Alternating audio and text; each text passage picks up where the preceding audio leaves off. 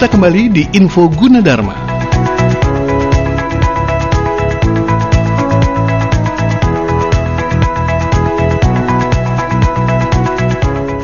Baik sahabat Mega Suara di 7 stasiun network Mega Suara, Bogor, Serang, Sukabumi, Indramayu, Kulon Progo, Kota Perak, Yogyakarta, dan juga pemirsa UGTV dan juga pastinya MGS uh, TV Sukabumi. Kita akan kembali mulai info UG kali ini. Kita akan terhubung kembali dengan Mas Guntur dan juga bersama narasumber istimewa kami ada Pak Made langsung dari UG Radio. Silahkan. Baik, terima kasih Mbak Ana atas kesempatannya nih ya. Kalau tadi di segmen sebelumnya kita bahas luar biasa nih ya peran, kemudian kontribusi dan juga hmm. asal usul kalau saya bilang Pak, yeah. line-nya coloring the global future. Karena selama ini apa ya kalian itu mewarnai tapi apa maknanya Pak akhirnya sudah tersampaikan walaupun sedikit Pak ya yeah. kalau panjang nih bisa dua jam Pak ya. ya. tapi kalau Pak Made itu visioner ya baik oke okay, Pak Made kalau tadi kita sudah bicara nih khususnya pemirsa UTV MBS yeah. TV dan juga Mega Suara Network sudah mendengarkan peran kontribusi dari katakanlah SDM ya Pak di uh, staff pendidik itu kan ya tenaga pendidik segala macamnya tapi di samping itu juga kita punya peran mahasiswa Pak. Betul. Nah mahasiswa ini kan apalagi saat ini Pak, nah ini bukan hanya sekedar belajar di kelas tapi juga bisa belajar eksplor yang luar biasa. Nah yang saya kenal dengan Pak Made ini juga concern terhadap soft skill iya. dan juga attitude. Nah, hmm. itu ya Pak ya. Karena di dunia kerja itu yang paling penting uh, gitu. Apalagi kita di katakanlah di dunia digital itu hampir tidak ada border kan Pak. Betul. Nah ini mungkin saya mau tanya satu-satu dulu. Nah dari kontribusi tadi sudah disampaikan dengan pengabdian masyarakat Pak. Nah bagaimana nih Pak terkait dengan peran mahasiswa di dalamnya sebagai salah satu sumber daya manusia yang nanti ke depannya dipegang oleh mereka. Silakan Pak. Uh, seperti kita kan bersemboyan sekarang masa depan diraih saat ini. Artinya ketika seseorang lulusan SMA masuk menjadi mahasiswa guna dharma sebetulnya dia disiapkan untuk masa depan hmm. tentu saja masa depan mahasiswa itu berbeda kenyataannya dengan apa yang diharapkan mahasiswa atau yang dipahami kenapa masa depan lima tahun kemudian sekarang itu adalah pertama benar borderless hmm. kita sudah tidak melihat lagi saingan kita kampus sebelah hmm. tapi saingan kita adalah kampus di dunia okay. kedua kita sangat dihargai kompetensi kita knowledge, skill, attitude. Okay. Ini yang perlu dipahami oleh para mahasiswa dan itulah yang difasilitasi oleh Universitas Gunadarma. Bagaimana seorang mahasiswa mengembangkan kompetensi dia di dalam bidangnya. Tentu saja bukan hanya oh saya seorang programmer bisa coding saja bukan. Hmm. Anda itu baru komponen skill. Okay. Ada pengetahuan, Anda memahami matematika dasar dan lain sebagainya. Anda punya attitude, menghargai orang lain dalam bekerja, teamwork, berkomunikasi. Dan semua itulah modal ketika harus bersaing di dunia. Hmm. Saingan kita itu bukan tadi saya sudah ungkapkan bukan hanya mahasiswa kampus sebelah. Hmm. Saingan kita mahasiswa di Bangladesh, hmm. mahasiswa di Pakistan hmm. dan negara-negara lain. Oke, saya sebut satu negara boleh Pak? Kalau TI India Pak. Iya itu itu sudah pasti lah. Enggak enggak usah India. Oh. Bangladesh pun kita oh. mereka itu berani dibayar tiga setengah juta. Hmm. Bayangkan okay. hmm. itu itu di bidang IT ya. Hmm. Kita nggak bicara bidang lain. Nah itulah saingan mahasiswa. Hmm. Jadi jangan sampai mahasiswa terlena bahwa mereka itu punya di masa depan. Kita bicara masa depan. Okay. Itu persaingan kompetensi yang sangat besar. Hmm. Nggak ada batasnya. Nah untuk itulah kita mempersiapkan mahasiswa guna dharma dengan segala fasilitas. Fasilitas itu bukan hanya fisik. Hmm. Dosen adalah fasilitas utama di dalam suatu perguruan tinggi untuk itulah Gunadarma sangat menginvestasi dosen-dosennya, melakukan investasi dalamnya pengayaan dosen-dosen. Hmm. Jadi ini yang sering kali di dalam atmosfer dunia pendidikan Indonesia disalahpahami dengan kata-kata fasilitas. Okay. Fasilitas berpikir itu yang paling penting di dalam perguruan tinggi sebetulnya. Jadi bukan hanya tentu saja fasilitas fisik penting ya dengan yeah. misal kita memiliki superkomputer. Hmm. Tapi kalau kita memiliki superkomputer tapi tidak ada dosen yang memahami juga kan percuma juga yeah. gitu. Jadi ini merupakan dua hal yang harus diinvestasikan demi masa depan hmm. uh, mahasiswa di Universitas Gunadarma kan bekerja di Indonesia. Hmm. Kenapa kita tidak melihat saya akan bekerja di Eropa atau saya bekerja di negara mana pun ya. Nah, ini yang perlu dipahami bagaimana mahasiswa bisa berkiprah dan Universitas Gunadarma sangat mendorong mahasiswa yang ingin aktif di luar negeri.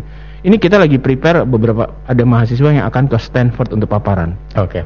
Kemudian beberapa tahun yang lalu ada yang ke ikut lomba roket, kemudian juga ke Swedia, kemudian juga ke India, kemudian ada yang juga ke Malaysia dalam rangka semacam kegiatan inter, uh, voluntary gitu. Hmm. Kita kenapa kita harus melihat tantangan kita itu memang sekarang adalah dunia bukan hanya Indonesia. Oke, ini menarik sekali karena tahun lalu harusnya saya ke India pak. Waduh. Iya, ASEAN India Hackathon. Eh, Iyi. COVID pak nggak boleh. Jadi nggak bisa belajar nari India ya? Nggak bisa. Nggak bisa ke Taj Mahal. Tapi yang penting juara pak. Juara. Ini kan salah satu mentornya bapak juga zaman dulu. Oke, Oke, jadi menarik juga nih pak. Jadi tidak hanya katakanlah uh, di lingkup nasional pak, Betul. tapi ternyata di dunia. Nah, ya. salah satu yang mungkin ciri khas di Gunadarma itu juga pak adalah tidak hanya belajar di kelas, tapi ya. di laboratorium, betul. bahkan sekarang tim teaching pak, betul. lewat melalui saluran UGTV iya, dan juga di yang lainnya.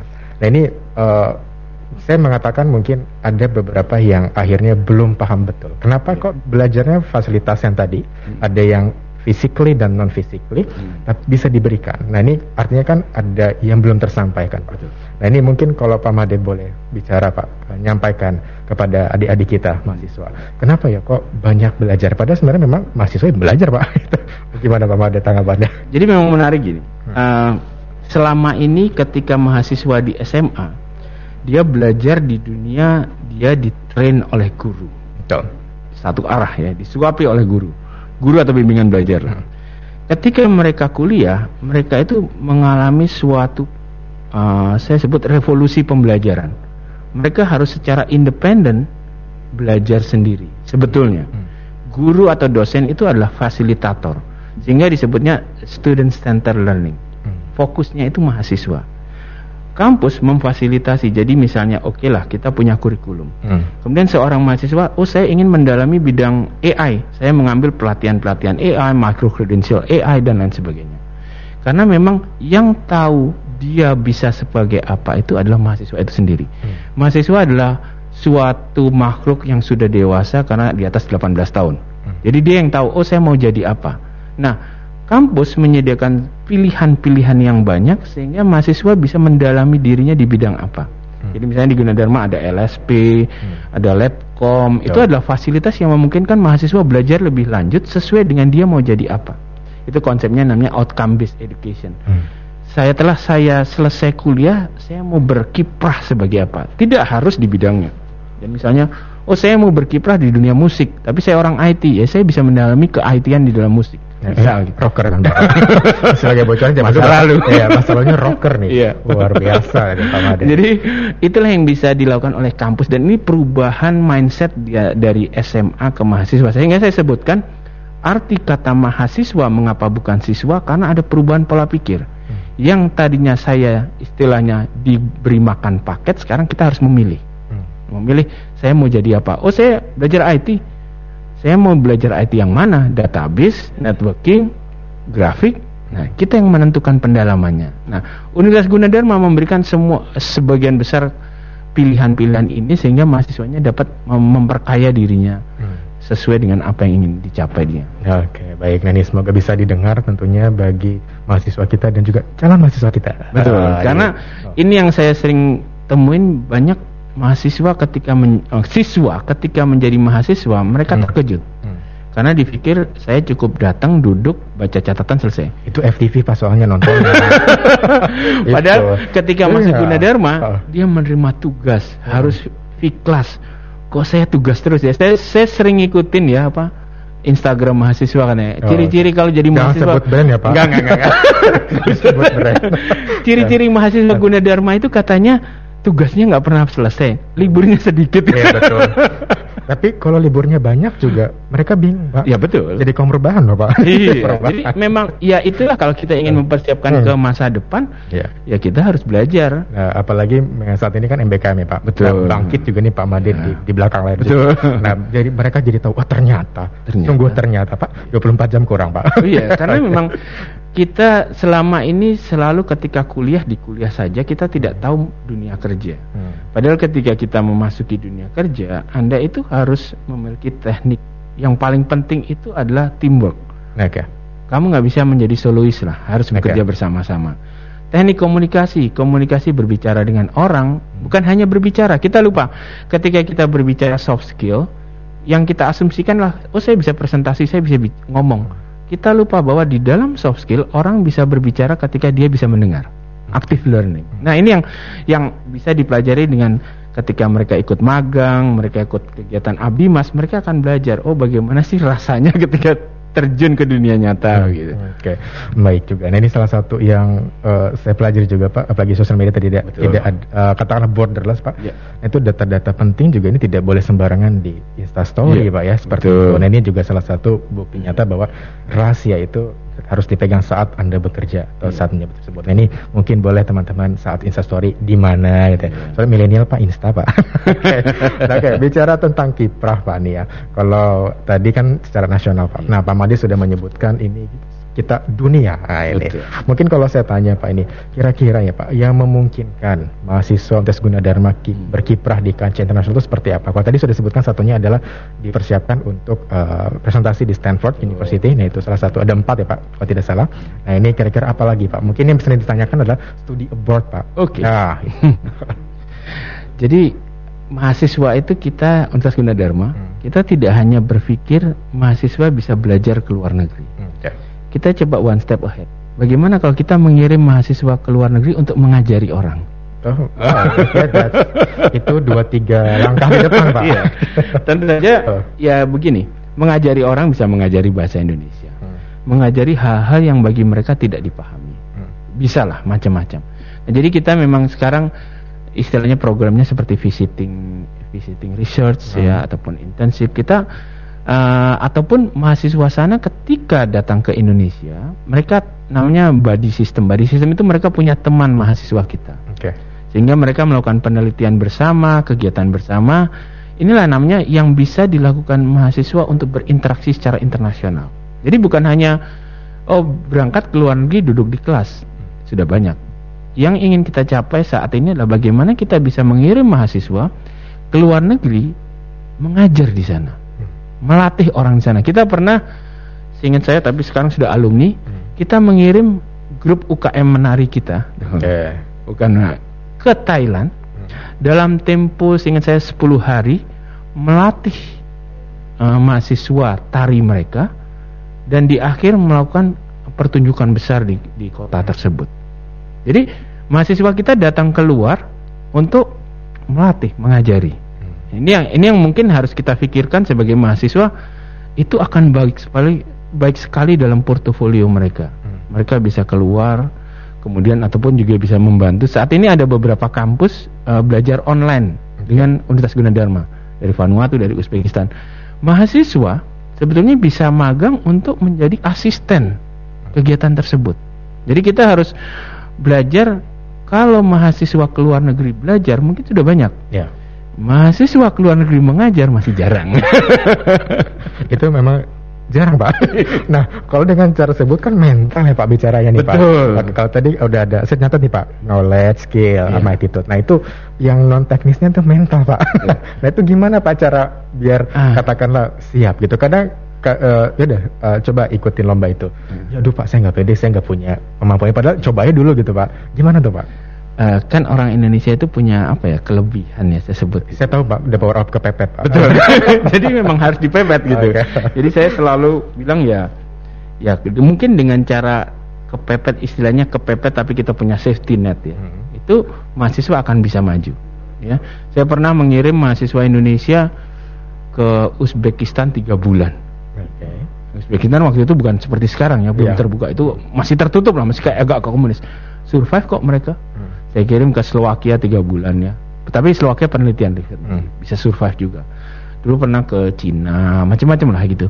Artinya sebetulnya kita ini kan punya saya sering sebut itu kelamaan punya inferior syndrome. Hmm. oh gua nggak bisa kok. Sehingga takut kan? Ya. Yeah. tapi sebetulnya kalau mereka berangkat ya mungkin bisa aja gitu. Jadi ini yang sebetulnya yang, yang harus disadari para mahasiswa uh, mulailah mencari peluang tentu saja kita berani berangkat sudah punya persiapan dong minimal yeah. bahasa sedikit-sedikit lah ya okay. nggak usah lancar yang tadi takutkan sebenarnya ini pak apa uh, pak. Itu Tapi ada, ada satu, la satu lagi yang menarik ketika hmm. keluar negeri itu. Biasanya kita sendiri orang Indonesia tidak mengetahui Indonesia. Oke. Okay. Ketika kita keluar negeri, hmm. kita dipaksa lebih tahu soal Indonesia. Hmm. Karena mereka akan bertanya, misal gini, kamu tinggal di mana? Oh saya tinggal di Depok di Depok itu apa ya yang hmm. potensi kita nggak ngerti kita bingung aja kan gitu. Nah, tapi ketika kita keluar negeri kita akan dipaksa belajar tentang diri kita sendiri. Nah ini ini poin yang baik bagi para mahasiswa yang ingin uh, keluar negeri dalam kegiatan-kegiatan yang positif ya. Karena kita sangat uh, mendorong tentu saja sekarang pada fase persiapan karena ya kondisi pandemik ya tidak memungkinkan mengirim orang keluar negeri kita hanya melalui online tapi online itu adalah persiapan sehingga mereka mulai mengenal partnernya mulai mengenal kegiatannya jadi sekarang yang sedang ongoing kita memiliki pelatihan online termasuk uh, dengan pemanfaatan mesin superkomputer kita dengan negara-negara lain termasuk juga belajar IT dan ini uh, sangat baik bagi mahasiswa kalau bisa mengasistenin sebagai sesuatu bentuk magang dengan kami. Oke, okay. nah ini uh, saya bilangnya luar biasa terus takut bosan tapi emang luar biasa pak oke okay, nah kalau tadi cerita tentang gimana caranya supaya bisa katakanlah ternyata bisa loh berkancah ke internasional gitu ya pak ya bahkan kalau tadi saya cerita uh, yang saya harusnya ke India pak. Hmm. Nah itu juga hasilnya dari lomba nasional Betul. pak. Eh dikirim pak ke sana pak. oh gitu. Tapi itu salah satu pengalaman hidup pak. Oke. Okay. Nah kalau ditanya pak, uh, kira-kira nih pak ya, apa uh, saya nyatet nih pak, apa sih Pak modal atau fasilitas UG? Kalau tadi sudah singgung sedikit oleh Pak Made menjadi ketertarikan mahasiswa atau dosen dari luar negeri hmm. untuk ke UG ini. Saya pernah dapat beberapa kali visiting lecture Pak. Hmm. Nah itu dapatnya komputasi matematika. Sangat cinta matematika Pak. Nah, itu. Tapi oh ternyata begitu ya gitu. Ternyata magical of number Pak. Oh gitu dapat ya. Oke. Okay. Nah mungkin Pak Made boleh cerita. Jadi pertama di samping UG-nya Indonesia. Indonesia hmm. ini saya bisa katakan the biggest living lab di dunia. Oh, oke. Okay. Oke okay lah, IT itu banyak ditemukan di di luar negeri ya. Hmm. Tapi bagaimana IT diterapkan, impact IT hmm. itu sangat menarik untuk dilihat di Indonesia. Hmm. Bagaimana mengembangkan suatu sistem online di suatu situasi seperti Indonesia di mana ada yang bandwidthnya cepat, ada daerah yang kadang-kadang nggak dapat signal. Nah, yeah. ini ini adalah suatu hal yang challenging bagi beberapa orang. Hmm. Plus tentu saja diversity kita. Oh. Diversity Indonesia itu biodiversity, people diversity, religion diversity, whatever lah. Ini sangat menarik buat mereka. Nah, terus bagaimana dengan Gunadarma? Salah satu hal yang menarik bagi Gunadarma adalah kita memiliki beberapa fasilitas. Hmm. Ya, fasilitas itu ya tadi saya sudah sebutkan kita punya UG Technopark, suatu hmm. living lab di Cikalong kita punya superkomputer di GXA 100 termasuk komputasinya paling tinggi di antara kampus-kampus di Indonesia. Kemudian kita punya manusia-manusia. Manusia itu dalam arti karena struktur di Universitas Gunadarma itu yang sangat interdisiplin, hmm. dosen dan mahasiswa itu mencair. Ya, Tidak ada fakultas apa, hmm. departemen apa. Ini sangat memudahkan orang luar negeri. Kenapa? Karena di luar negeri itu pembagian jurusan itu tidak sama dengan Indonesia. Hmm. Mereka bingung kalau saya datang ke fakultas ini ya, kok nggak ada semua, saya di kampus yang lain. Hmm. Sedangkan di Indonesia dia mau kerja sama misalnya hari ini kan ada tentang cashless behavior ya, ya psikologi dengan IT dengan ekonomi, nggak ada masalah karena di sini cair hmm. antar fakultas dan ini yang merupakan suatu modal sehingga banyak uh, partner-partner uh, kita dosen-dosen visiting itu uh, cukup apa ya cukup nyaman lah dengan situasi seperti itu. Hmm. Jadi modal interdisiplin modal kerjasama antara kampus dan satu hal lagi kolegial. Kolegial itu begini. Kalau di kampus tertentu mungkin strukturnya sangat hierarki antara hmm. dekan, rektor, profesor, doktor, dosen ya. Hmm. Tapi kalau di Indonesia kan eh di sorry, di Gunadarma relatif struktur itu sangat cair. Hmm. Apakah dia dekan, dia profesor dengan mahasiswa sebenarnya dekat sekali semua. Okay. Nah ini sama dosen saya juga. Misalnya ya Igun dengan Prof Adang, Prof Beni, walaupun dekan dan profesor ya seperti teman saja. Dan ini mirip lah dengan di dunia di luar hmm. negeri gitu. Oh, gitu. Sama Pak, ini teman-teman kita di belakang layar juga ini mahasiswa juga Pak. ini juga ini cair nih Pak. Iya. Artinya tadi SDM-nya iya. memang luar biasa iya. dapat dicair belajar bersama. Betul. Nah ini dibekali. Nanti kalau dia biar nggak kaget kalau dia terjun langsung Pak. Iya betul. uh, Jadi itu yang salah satu membuat uh, teman apa partner-partner kita di luar negeri merasa convenience karena situasinya tidak berbeda jauh dengan di sana. Hmm, Oke, okay. dan memang kulturnya kultur Eropa berarti. Terus, iya, mungkin termasuk juga kampus kita yang terbuka begini okay. seperti di Eropa. karena saya tahu Bapak jebolan Eropa. Oke, okay, baik. Tadi tapi S2 saya di Australia. Oh iya, baik. Terima kasih. Semoga saya nyusul, Pak. Kalau nggak nanti saya selesai S3 dulu, yeah. Bapak mentor saya ke sana ya, Pak. Kita memang US, punya Pak. program uh, untuk dosen-dosen yang setelah S3 ataupun ingoing S3, kita akan akan mengirimkan khusus di bidang AI ke kampus-kampus yang memang terkenal di bidang itu untuk postdoc maupun penelitian. Oke, okay. ada satu pak kampus yang mau saya tuju, tapi yeah itu kayaknya harus sama bapak. Oke di sana nih pak, itu yang agak belahan dekat-dekat sana, yang katanya nomor satu pak. Itu. Kan bisa pak jebolan ya. ya itu. Gitu. Padahal ini siapa tadi bilangnya interdisiplin, kita juga interdisiplin pak. Betul. Ya, saya dari IT jadi penyiar pak. Iya, gak ada masalah. Gak ada masalah. Gak ada masalah. Yang penting tadi knowledge, skill, dan attitude yeah. ya pak ya. Gitu. Itu menjadi hal Mungkin penting. ingat ini namanya ada uh, eh, MIT Media Lab. Oke. Okay. MIT Media Lab itu adalah lab yang sangat terkenal di MIT. Hmm. Namanya juga Media Lab. Jadi ya. itu adalah Itu Pak yang mau saya tuju, gabungan antara media dengan IT di hmm. kampus tersebut dan sudah melahirkan ya seperti kita tahu teknologi streaming. Hmm. Uh, terus apa namanya uh, virtual reality itu dari lab tersebut. Oh, gitu. Dan bahkan salah se beberapa softwarenya juga itu diajarkan di Betul. Pak. Ya. Nah, itu di anak komunikasi Pak ya, belajar. Betul. Nah, itu ya satu scratch to processing juga processing. gimana cikal bakal animasi. Ya. Nah ini tepat sama orang Pak Mabde. Oke okay, baik. Saya mau nanti nanya lagi Pak Mabde ya, ya tentunya nih mengenai ya. uh, kalau tadi kita bicara future maka kita bicara nanti agak back to 90s Pak. Yeah. Oh, okay.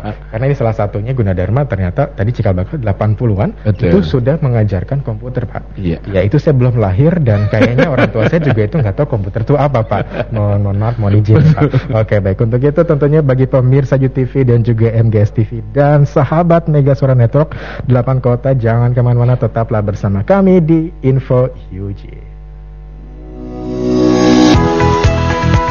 Jangan ke mana-mana Info Gunadarma akan kembali setelah beberapa informasi berikut ini.